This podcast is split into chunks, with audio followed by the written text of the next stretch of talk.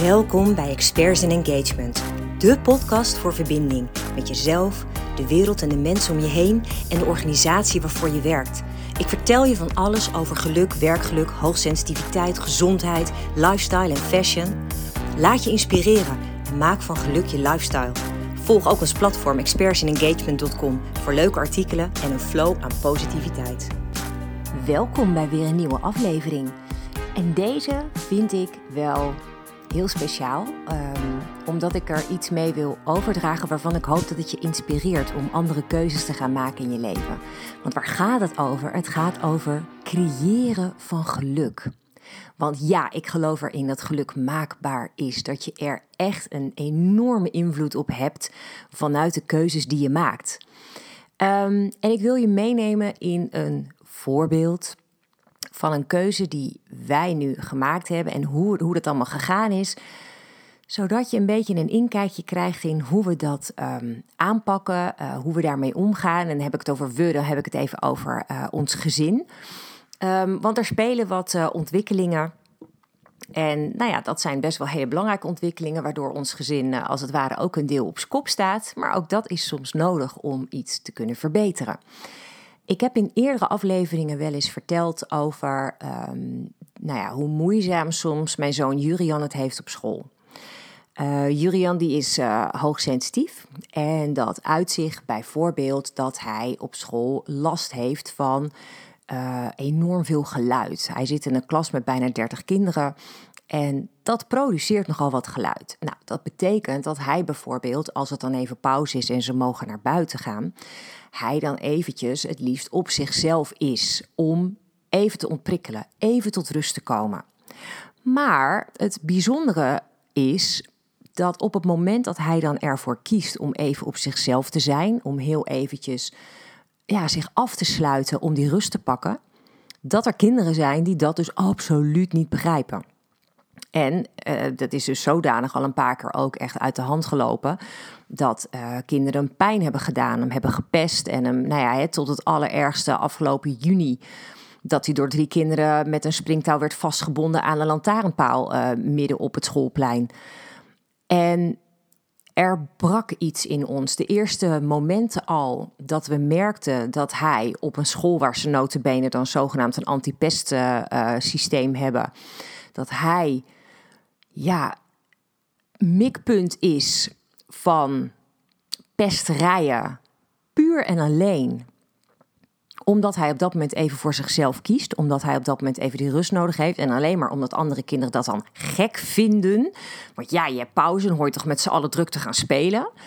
Uh, dus omdat je dus niet in dat kleine hokje past waar de standaard kinderen, de standaardmaatschappij jou graag in wil hebben. En we hebben toen in, ik denk dat het februari, maart is geweest, want toen was het al een beetje de periode dat hij, hè, ook omdat hij dan, eh, dat was dat gedoe ook rondom het mondkapje wat hij niet op wilde op school.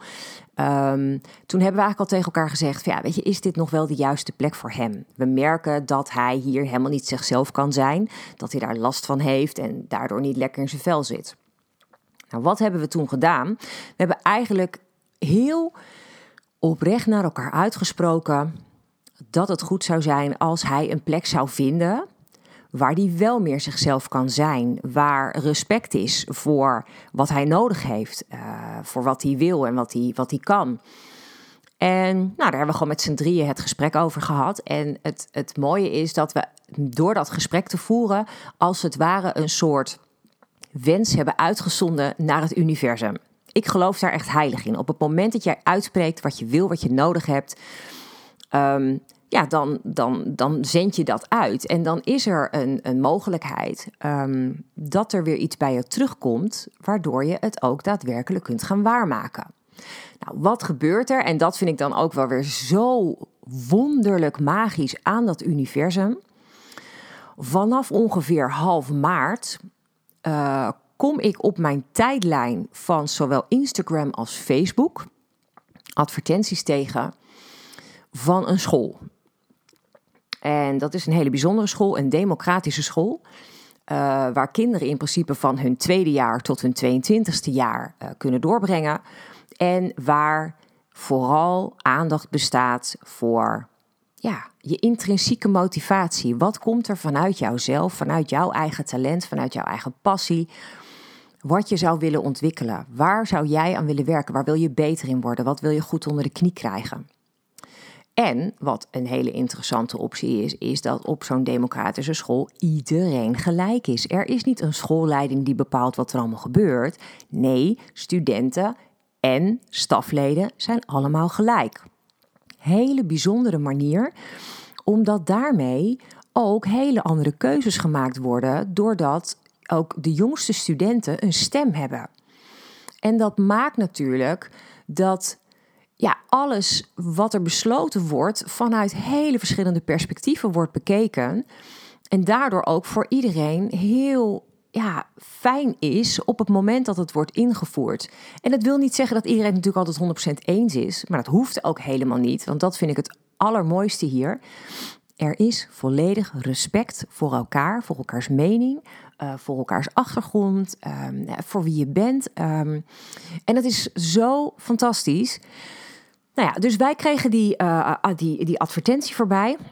Of tenminste, ik kreeg die voorbij op mijn tijdlijn. En ik weet niet wat het was, maar ik zag die advertentie en het triggerde me. Ik, ik dacht, nou, dat wil ik, wil ik meer van weten. Wat is dit dan? Dus ik heb op die advertentie geklikt en ik ben naar de website gegaan en ik heb daar van alles zitten lezen. En ik voelde meteen dat ik dacht: wauw, wat zou dit een fantastisch mooie optie zijn voor Jurian. Dus ik deelde dit met Jurian en met Dennis. En we hebben het daar met elkaar over gehad. Van joh, hey, zou dit niet de ideale plek kunnen zijn? Um, Julian zat op het punt eind groep 6 om richting groep 7 te gaan. En in groep 7 komt natuurlijk de keuze van: hé, hey, uh, wat ga ik doen qua middelbare school? Dus we wisten dat er binnen een aanzienbare, aanzienlijke tijd een moment zou komen dat hij een middelbare school moest gaan kiezen. En dan zou hij dus sowieso een switch gaan maken van school. Het voordeel van deze school is dat je daar dus ook je middelbare schooltijd doorbrengt. Dus dat voelde ook heel prettig, omdat we dachten, nou ja, dan kan hij nu overstappen. En dan hoeft hij dat maar één keer te doen. En dat, want dan kan hij daar gewoon blijven.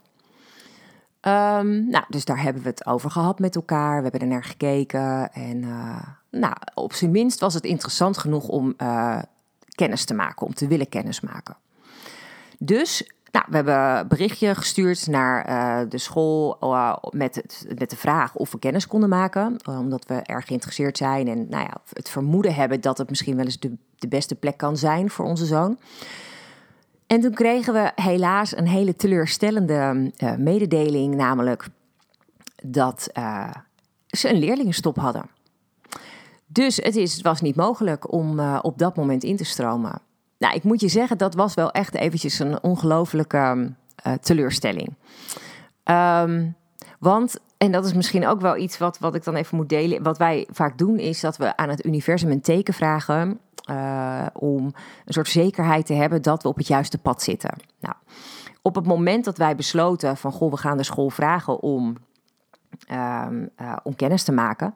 Toen hadden we met elkaar een wandeling gemaakt naar de hei en we zaten op een gegeven moment bij het vliegveld en toen zeiden we tegen elkaar: Goh, zullen we het universum dan om een teken vragen dat dit inderdaad het juiste pad is? Want je kan natuurlijk kiezen voor elke school, maar we denken dat dit specifiek um, wel nou ja, de goede stap zou zijn. En toen zeiden we tegen Julian van, nou, hè, wat zou jij nou als teken kiezen? Het moet dan iets zijn wat we niet continu overal tegen kunnen komen, maar iets wat echt opvalt. Um, nou ja, dat dat dus uh, uh, een, een, soort van signaal is vanuit het universum. Toen zei Julian, nou, dan wil ik graag een reuzenschildpad zien. Zo'n zeeschildpad. Hij zei, nou oké, leuk, prima. Die kom je niet overal tegen, dus helemaal goed. Dus, oké, universum. Op het moment dat je denkt dat dit voor ons en voor Julian het juiste pad is... Uh, dat hij dus naar deze nieuwe school zou moeten gaan... stuur ons dan het signaal van de reuzenschildpad, de, de zeeschildpad. Nou...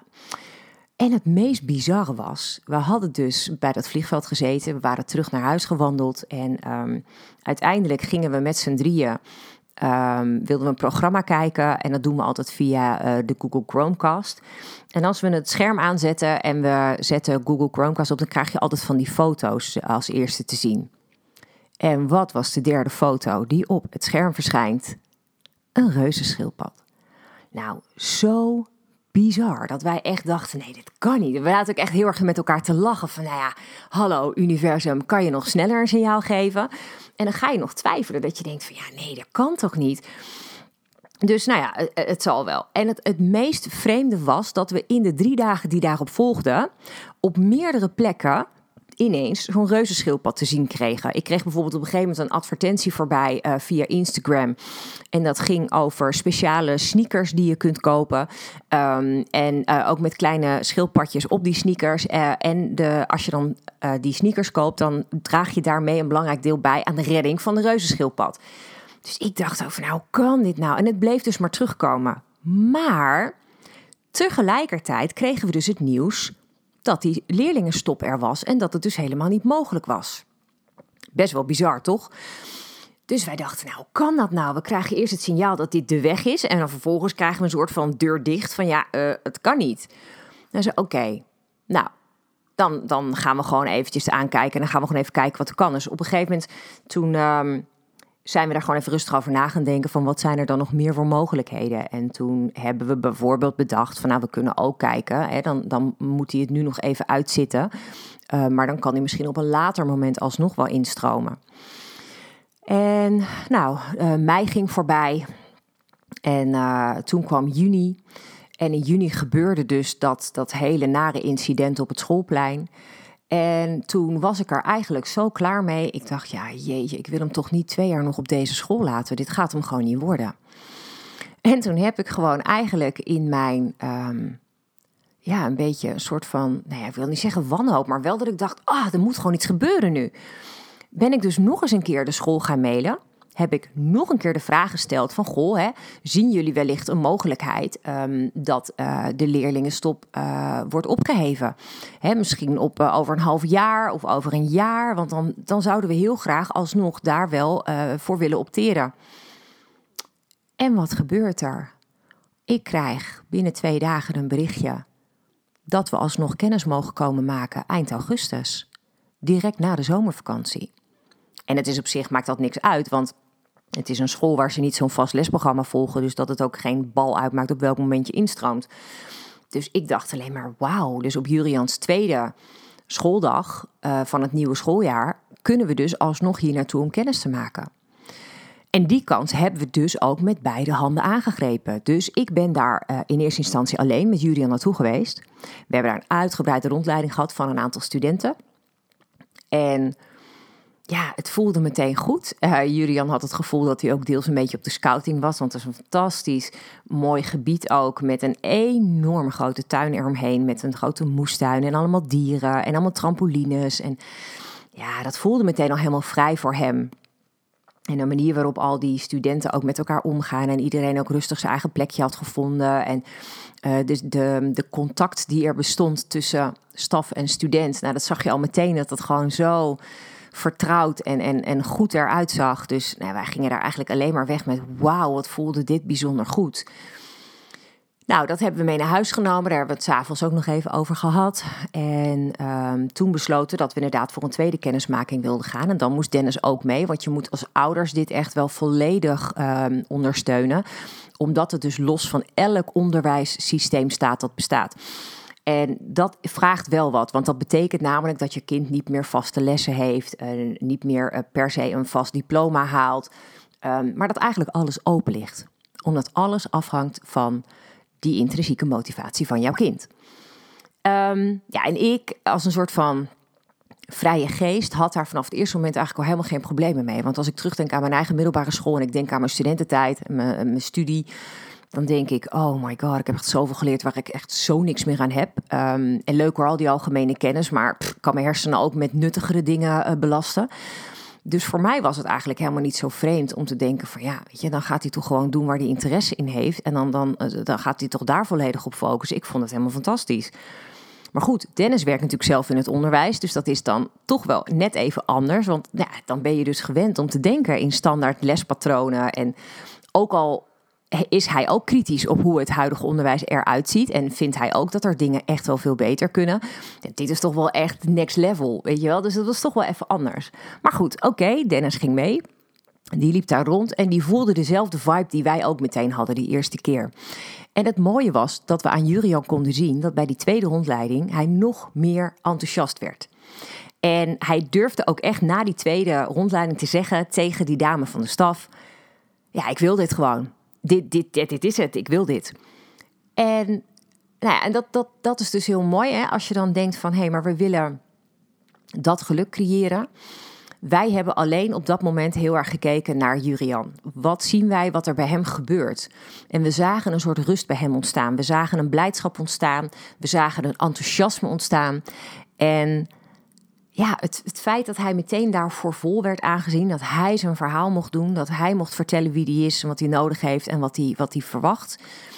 Um, ik zag gewoon toen al dat ik dacht: oh wauw, hij gaat hier zo van groeien. Dit gaat hem zo ongelooflijk veel brengen, wat hij never nooit kan ervaren in zo'n vast omlijnd systeem waar je niet buiten de hokjes mag denken. En op dat moment viel ook alles op zijn plek. En het meest wonderlijke daaraan is dus dat we die keuze hebben durven maken, uh, omdat we gewoon geloven dat het voor hem het beste is dat hij daar het meest gelukkig van gaat worden. We, hadden een soort van visioenen al hoe dat zou moeten gaan op de middelbare school. Hè, waar je natuurlijk helemaal in zo'n stramien terechtkomt. Waar helemaal geen enkele ruimte is voor creativiteit. En uh, weet je, de, de, ja, laten we eerlijk zijn, dat is er gewoon niet. Je moet gewoon al je vakken volgen, je moet je huiswerk maken. De druk is enorm. De prestatiedruk in onze maatschappij is bizar. Um, is dat gezond? Nee, absoluut niet. Is het nodig? Nee, ook niet.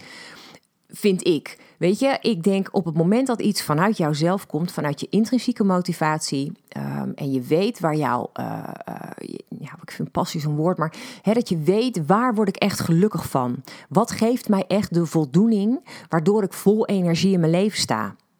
Als je dat weet van jezelf, dan heb je niks meer verder nodig dan dat je mag gaan en dat je dat gewoon mag gaan doen. En als iedereen dat zou mogen doen, wat zouden we dan toch ongelooflijk veel meer gelukkige mensen hebben op deze aarde? En nu doet iedereen maar wat er van hem of haar verwacht wordt. En ja, ook al kost je dat ongelooflijk veel stress. Want ja, die prestaties, je moet het toch allemaal halen. Maar ja, we doen het allemaal gewoon. Want ja, het is nou helemaal, dat is toch de afspraak. Zo hoort het toch gewoon. Je moet toch gewoon, uh, zo, eh, je moet naar school, je moet je diploma halen. Je moet van 9 tot 5 werken. Of, hè. Het is allemaal zo standaard uitgedacht. Heel wat jaren geleden al, maar we doen het nog steeds. En langzaamaan hoor je wel wat geluiden van wat meer kritische mensen die zeggen: hmm, is dit nog wel de ideale weg? Um, en ik denk dus dat het zeker niet de ideale weg is. Misschien voor sommige mensen. Alleen als ik zie in onze maatschappij hoeveel mensen zwaar verwijderd zijn van hun gevoel en alleen maar in hun hoofd leven, continu, die alleen maar het idee hebben dat ze moeten voldoen aan alle verwachtingen van de maatschappij, van de mensen om hen heen, van zichzelf, dan zie ik alleen maar mensen die ja, afgesloten leven van hun intuïtie, daardoor ook vaak niet de juiste keuzes maken, die uh, leven in angst in plaats van in vertrouwen en ja, die eigenlijk overleven. En ik had heel erg bedacht, samen met Dennis, dit willen wij niet voor ons kind. Wij willen dat hij echt leeft en we willen dat hij zo gelukkig mogelijk opgroeit. We hebben daardoor natuurlijk al bepaalde keuzes gemaakt, ook in die hele coronaperiode, om vooral niet mee te gaan in die collectieve angst. Om vooral te zorgen voor hem dat wij in een gelukkige bubbel zaten thuis, waardoor hij een zo normaal mogelijk leven kon leiden. waar alle kinderen gewoon continu helemaal angstig waren met al dat testen. Ja, wij hebben daar gewoon niet aan meegedaan. En tot op de dag van vandaag blijf ik het onbegrijpelijk vinden ook hoe zoveel mensen al die kinderen maar op die manier behandeld hebben als een soort testobject. Met die staafjes in de neus, in de keel en whatever. En dan denk ik, ja, ik heb het gewoon gedaan als altijd. Had hij klachten, hield ik hem lekker thuis. Weet je, ik bedoel, nee, ik had ook geen zin dat die andere zou aansteken als hij ziek was. Maar daar heb je dan andere methoden voor. Ik heb hem nooit dat willen aandoen, omdat ik gewoon wist dat het hem zou traumatiseren. En heel eerlijk, ik ken kinderen die hierdoor getraumatiseerd zijn. En ik wilde dat gewoon niet voor hem. Ik had zoiets van, nou, weet je, uh, ik, ben, ik ben zijn moeder en ik wil hem beschermen voor waar ik kan. En dat heb ik gedaan. En dat doe ik dus nog steeds. En daarin maak je dus keuzes die niet populair zijn. Want ja, jeetje, we waren het uitschot van de school. En geloof me, ik ben de dagen aan het aftellen dat ik daar niet meer naartoe hoef. Dat ik daar niet meer Jurin hoef weg te brengen en al die ouders hoef te zien die mij hebben uitgekotst omdat ik anders denk. Ik ben gewoon zo ongelooflijk dankbaar dat wij deze keuze mogen maken. Waarvan ik nu al zie, want Jurian zit nu in zijn wenweken. Wat betekent dat hij twee dagen per week al naar die nieuwe school gaat om daar te kunnen wennen, om te zien of het inderdaad bij hem past. En ik zie hem nu al opbloeien.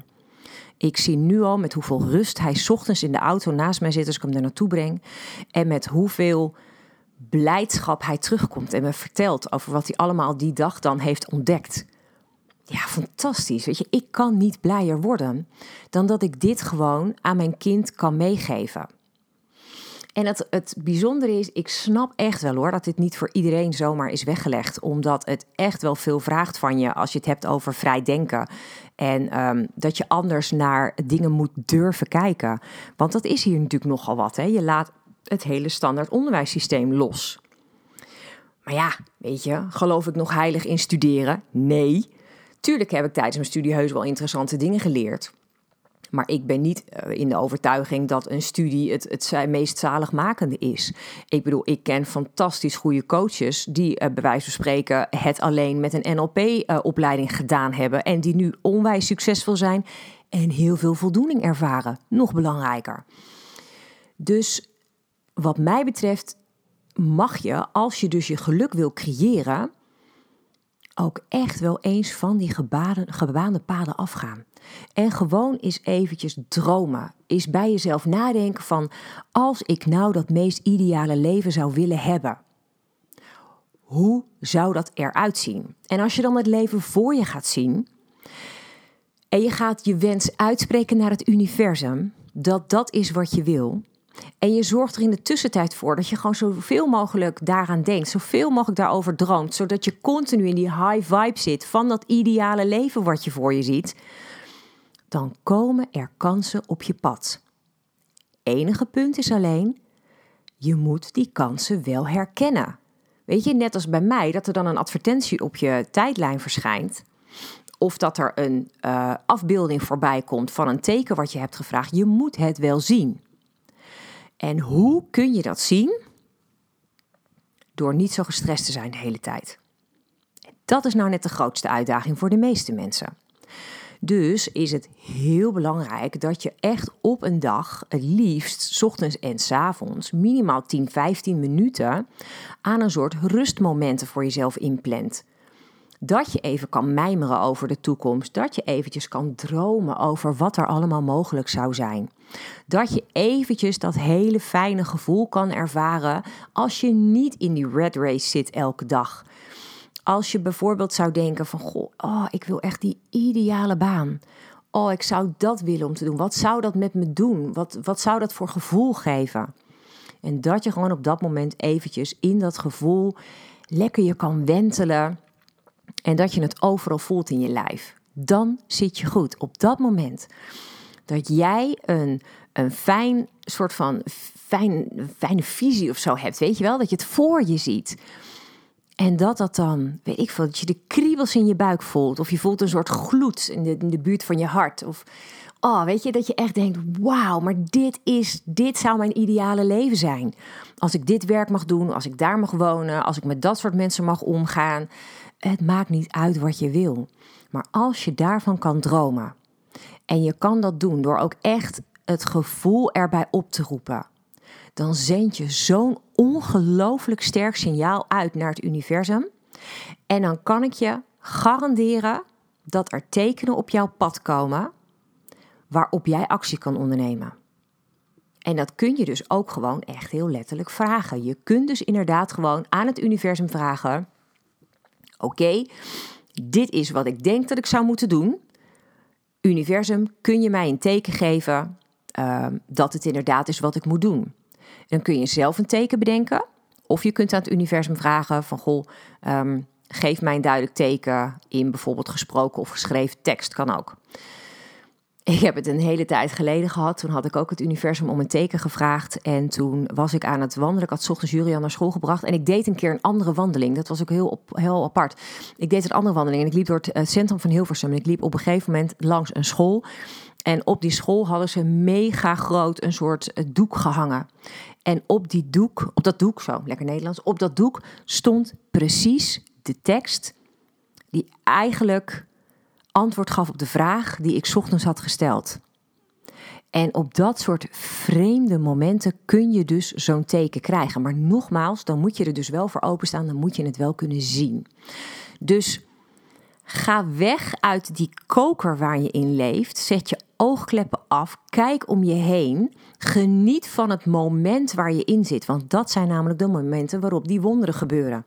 Waarop je die fantastische, mooie dingen ziet. Die jou aanzetten tot, zoals het noemen, inspired action. En inspired action is hetgeen dat jou gaat verder helpen. Dat gaat zorgen dat jij die dromen kan waarmaken. En het meest belangrijk is bij dat creëren van je gelukkige leven, laat je niet gek maken door meningen van de mensen om je heen. Het is jouw leven. Hoeveel mensen niet tegen ons hebben, nee, dit kan toch helemaal niet en haalt hij niet een vast diploma. Al die oordelen van mensen die allereerst de school niet eens kennen, die helemaal geen idee hebben, die zich er helemaal niet in verdiept hebben, die ook Julian gewoon eigenlijk helemaal niet zo goed kennen um, en die gewoon zelf niet durven. Ik kan daar helemaal niks mee. Dus we hebben dat heel erg naast ons neergelegd. Van dit voelt voor ons heel erg goed. Dit is wat wij moeten doen. En dat is het enige wat je hoeft te, te hebben, wat je nodig hebt. Je hoeft niet te luisteren naar alle meningen om je heen, want over het algemeen ja, zijn dat toch niet de meningen die er echt toe doen. Het gaat erom wat jij voelt. En als jij je eigen geluk wil creëren, is dat gewoon het allereerst wat je mag doen. Luisteren naar je gevoel. Niet luisteren naar je omgeving, niet luisteren naar een kritisch stemmetje in je hoofd, maar luister naar wat je hart je ingeeft. Is het aller, allerbeste advies wat ik je kan geven. En geloof erin dat dat universum echt de meest magische dingen kan creëren voor je. Ik heb het al zo ongelooflijk vaak mogen ervaren. En ik bevind me in een kring van uh, veel meer mensen die dit dagelijks ervaren, die hiervoor openstaan. En als je hiervoor openstaat, dan wordt het leven magisch. En dat gun ik iedereen zo, omdat het leven dan zoveel lichter wordt en zoveel fijner. En hoe mooi zou dat zijn? Juist in tijden dat iedereen nu weer bang gemaakt wordt over allerlei mogelijke virussen en dingen die er zijn. En vertrouw op je eigen gevoel. Vertrouw op je eigen systeem, op je eigen lichaam, op je eigen mind, op je eigen gevoel. Dit kun jij. Dit kun je gewoon helemaal zelf. En ik hoop dat ik je met deze aflevering, maar echt al is het maar mini-mini, kan inspireren om inderdaad eens gewoon naar die eigen innerlijke warme stem te luisteren. Die stem die jou aanmoedigt om dingen te gaan doen waar je gelukkig van wordt. Die stem die, ja, noem het je hogere zelf, die het goed met je voor heeft, omdat hij je verder wil helpen en wil dat je zo ja, happy mogelijk in het leven staat. Gun jezelf dat. En dan wordt je leven echt mooier. En dan is dat leven, dat geluk, maakbaar. Dankjewel dat je in ieder geval weer wilde luisteren. En ehm, ja, wij gaan gewoon nog even door met dit hele traject. En het heeft uh, heel veel voeten in aarde.